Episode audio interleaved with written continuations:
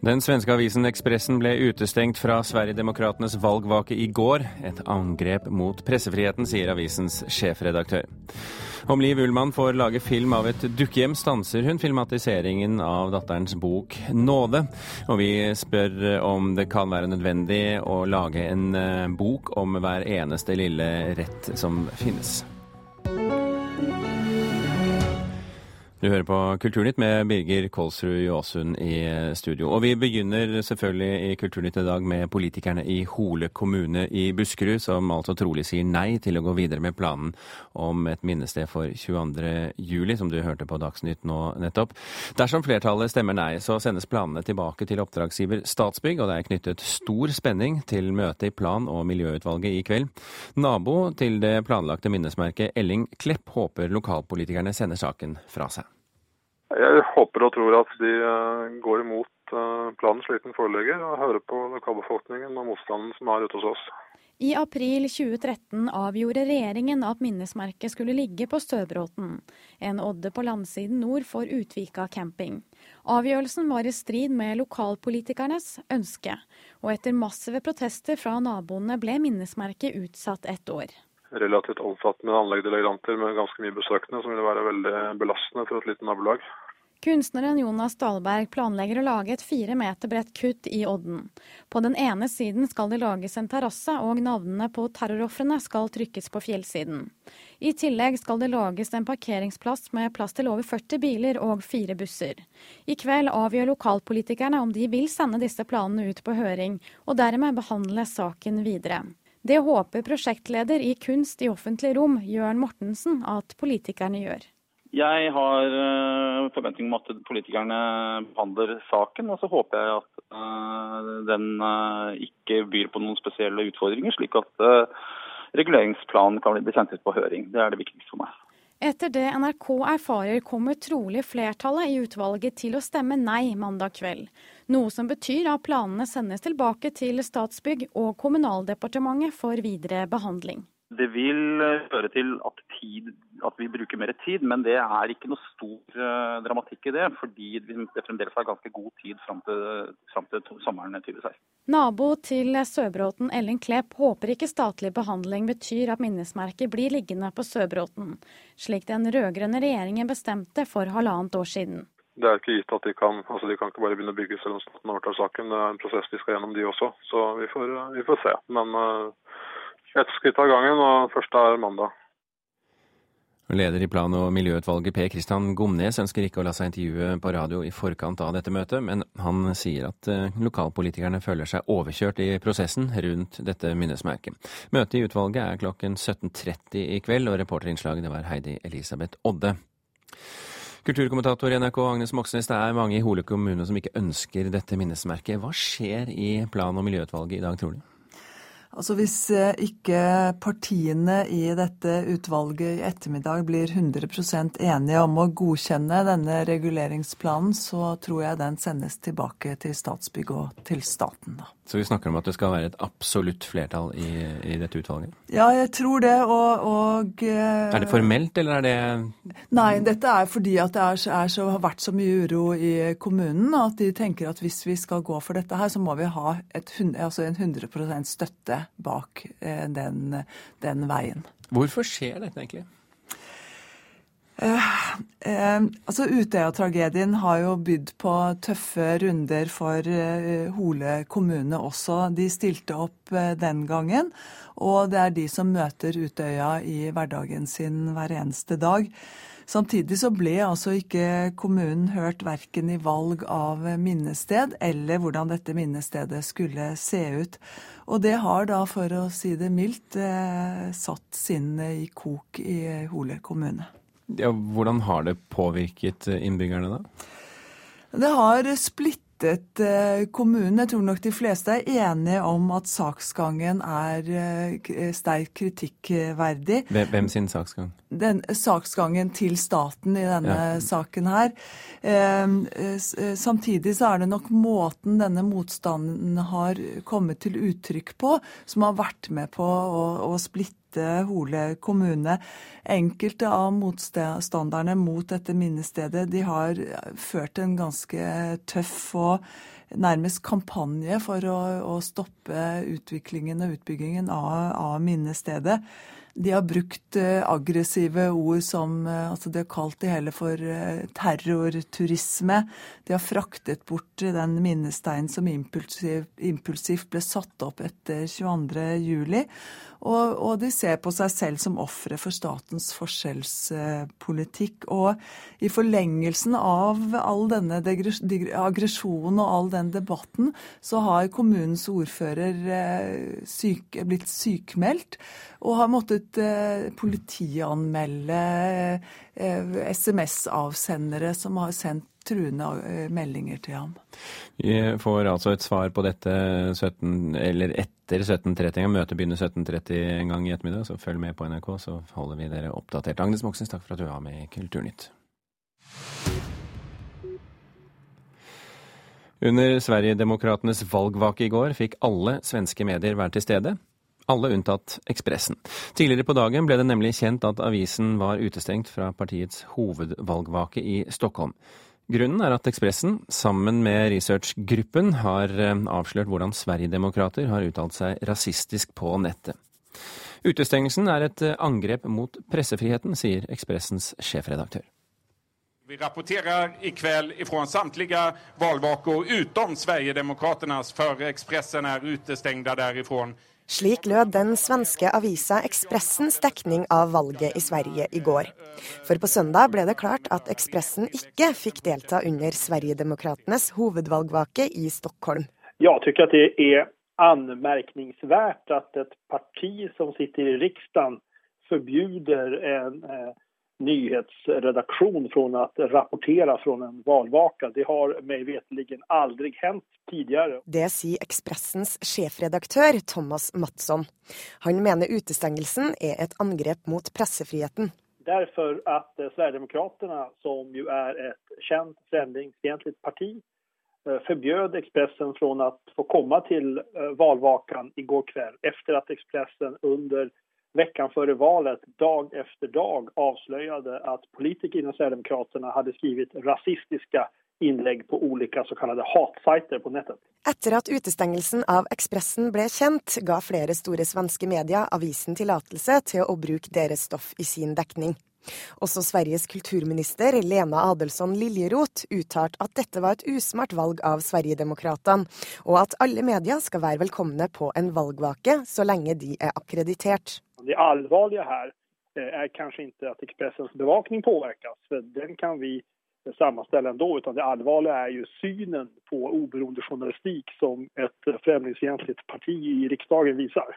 Sverigedemokratenes pressesjef Martin Kinnunen sier at grunnen til utestengelsen er Ekspressens samarbeid med researchgruppen, som er et nettverk av frilansjournalister som sammen med Ekspressen har avslørt hvordan fremtredende svenske politikere har kommet med rasistiske uttalelser på nettsidene Avpikslat, Frie Tider og Eksponerat.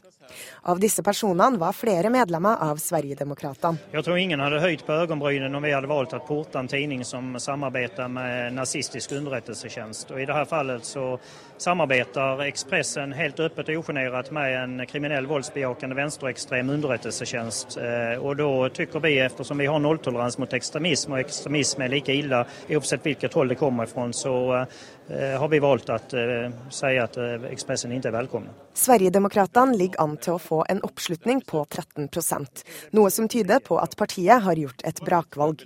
Kinnen utelukker ikke at de i framtiden vil samarbeide med avisa. Om Ekspressen eh, på et klart og tydelig sett tar avstand fra eh, venstreekstremisme og de her organisasjonene, så, så eh, er de velkomne. Researchgruppen er jo en samling frilansjournalister som har arbeidet for bl.a. TV4 og Sveriges Televisjon og Rikspressen, precis som alle mediebolag tar imot tips. Vi får tips innenfor Sverigedemokraterna også, og vi kontrollerer naturligvis alle oppgifter. og Det er jo det som har allmenninteresse som publiseres. Det sa sjefredaktør i Ekspressen Thomas Mattsson og reporter her det var Åsta H.M. Hagen.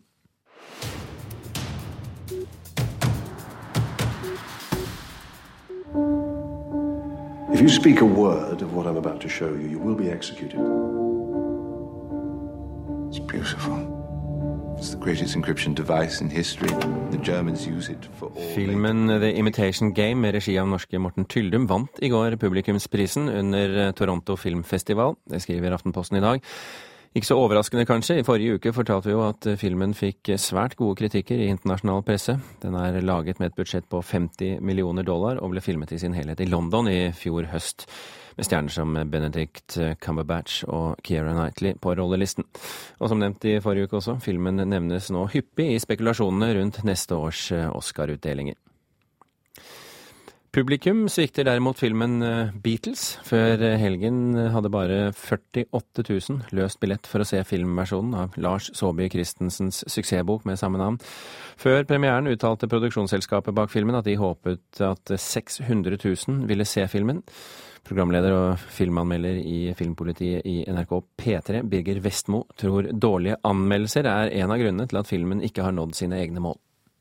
Ja, Det kan ha noe med det sviktende publikumstallet å gjøre, fordi det var stor oppmerksomhet rundt Beatles da den åpna filmfestivalen i Haugesund, og de fleste toneangivende kritikerne var forholdsvis lunkne til Beatles, og det er klart at det føles ikke veldig fristende for et stort publikum å gå og se en film som har fått terningkast tre de fleste stedene.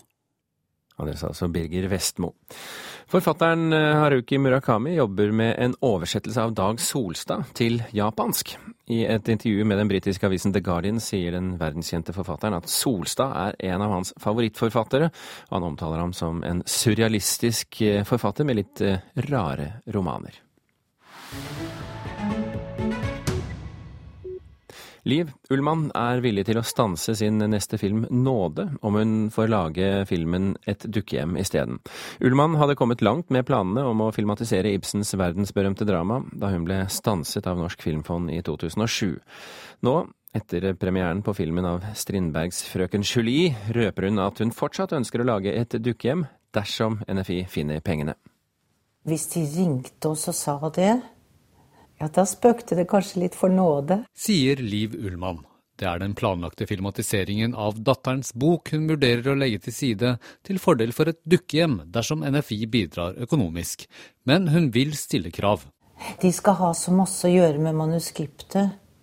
Hvis de skal ha masse forandringer og sånn. Da er det ikke sikkert jeg vil gjøre det. Det er nå gått sju år siden Liv Ullmanns planer for et dukkehjem ble stanset av det som den gang het Norsk Filmfond. Hollywood-stjernene sto i kø for å bli med, amerikanske investorer var med på laget, og handlingen skulle legges til Ålesund. Men Filmfondet krevde store endringer i Ullmanns manus, og det hele endte med at filmen sto uten norsk støtte. Jeg syns det var bittert, og Liv syns helt klart at det var bittert. Og, og øh, ja, det, det hele strandet på det, dessverre. Sier Guttorm Petterson i SF Norge, som skulle produsere filmen.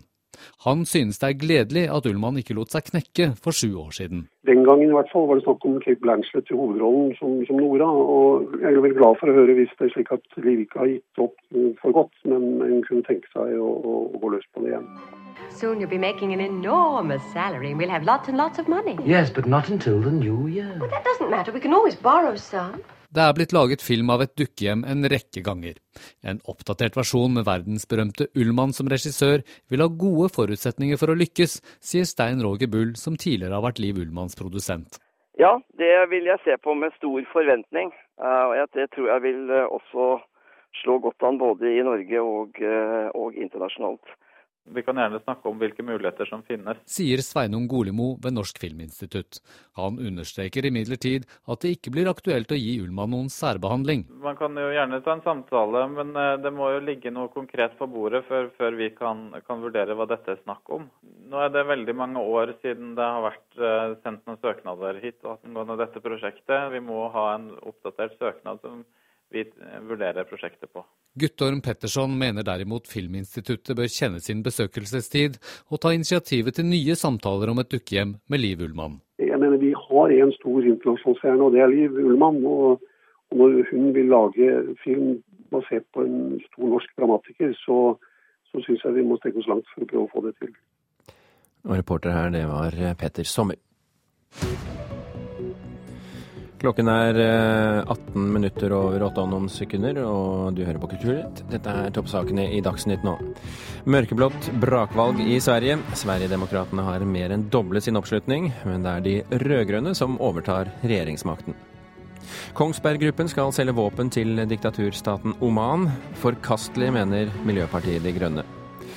Og Norge kommer til å være fotballsinke så lenge foreldrene har treneransvaret for barna, mener toppskårer for Vålerenga, Vidar Ørn Kjartansson. Han mener utdannede trenere kan skjerpe de unge talentene. I helgen var det urpremiere på musikalversjonen av Amalie Skrams romansyklus 'Hellemyrsfolket' ved Den nasjonale scenen i Bergen, med 30 000 forhåndssolgte billetter.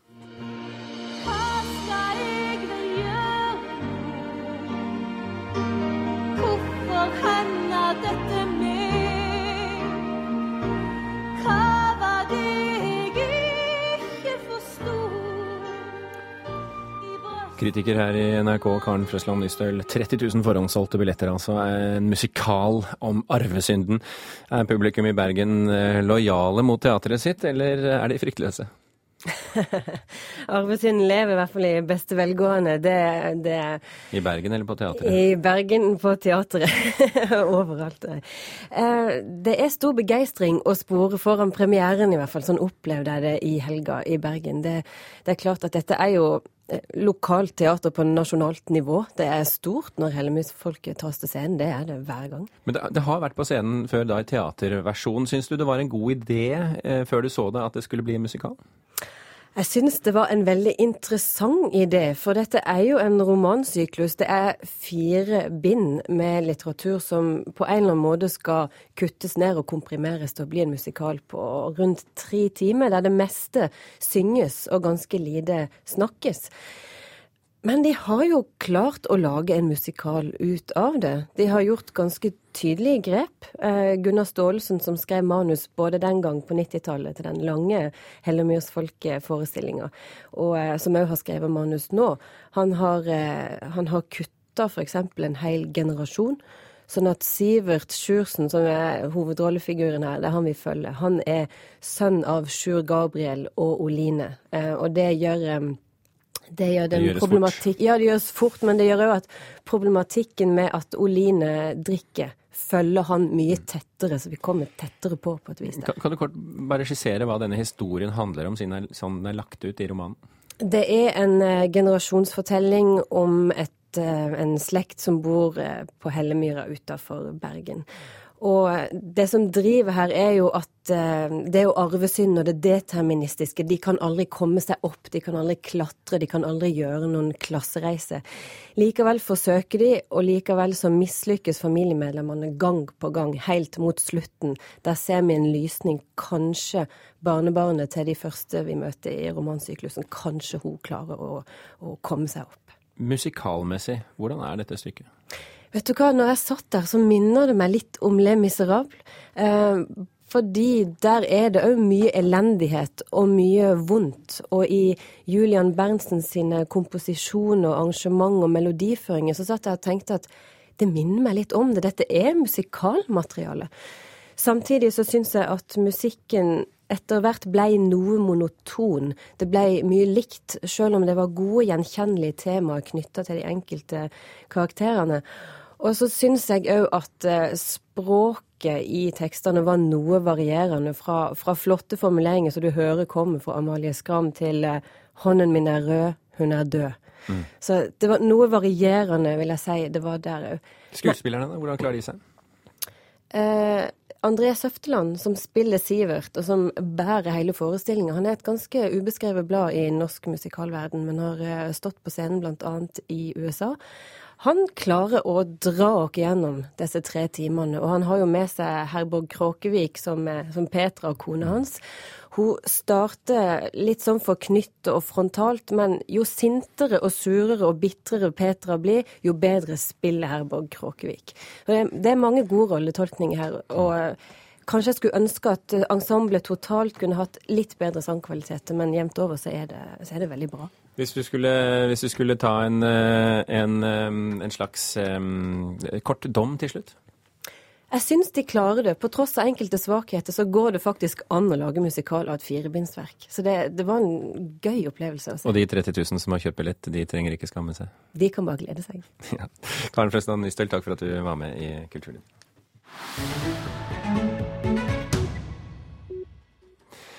Er det nødvendig med én egen bok for cupcakes og én egen bok for ostekake? Hva er galt med den gode, gamle kokeboka som hadde alt mellom sine to permer? Dette er spørsmål NRKs litteraturkritiker Marta Norheim stiller i en kommentar på nrk.no, som ligger ute nå for tiden og kommenteres der. Norske forlag tar, seg, tar nemlig segmenteringen til nye høyder, skriver hun. Og Marta Norheim, velkommen til Kulturnytt. Hva var det som fikk begeret til å renne over for deg da du skrev denne kommentaren? Ja, Det var ikke det store raseriet som drev meg, men jeg bladde gjennom forlagskataloger og tenkte at her er det ufattelig mye innenfor dette her esende området som er altså mat, drikke, helse, livsstil, håndarbeid, kropp, sjel, velvære. Altså hele den der eh, pakka der, den er blitt veldig stor, eh, og, og det har den jo vært eh, lenge. Men så blir den mer og mer sånn det er ikke bak, men det er bak cupcakes. Det er ikke liksom kroppen din, men det er eh, sixpacken din. altså det, så det blir så veldig, veldig, veldig oppdelt. Og, og, og da tenker jeg, hva er det egentlig som skjer her nå? Ja, hva er det som skjer her nå? Nei, altså, eh, dette er jo òg et felt der en på en måte markerer sin individualitet. Og f.eks. hvis vi går på mat, da liksom å bare ha ei kokebok, hva er det for noe? Det er ikke en identitetsmarkør i det hele tatt. Men da å ha liksom de helt spesielle er kanskje eh, Altså at de, de, de uh, gir ut bøker som vi på en måte kan bli definert gjennom, at det blir en del av dette store identitetsprosjektet som jo er veldig eh, framme i vår tid. Og så sender vi det ut på Facebook hva vi leser, og så er hele den der eh, svingen i gang, da. Ja. En av synderne sitter ved din side, Arve Juritzen. Velkommen til Kulturnytt. God morgen, takk, takk. ja. Kjenner du deg igjen i dette segmenteringssyndromet som eh, Marta Norheim snakker om her? Ja, veldig godt. Vi står jo midt oppi det. Og, det og driver skal... det frem for øvrig? Ja, altså Nei, det gjør vi ikke. Vi, altså Leserne vil ha, og leserne får det de vil ha. Eh, det som er jo utfordringen i forleggeriet, er jo at vi ikke helt vet hva leserne vil ha. Altså Derfor så popper det opp en, en hel V-suksess. Eh, det var ingen som kunne forutsi den på forhånd. Og, og den bestselgende saksprosaboka akkurat nå er om å strikke lapper.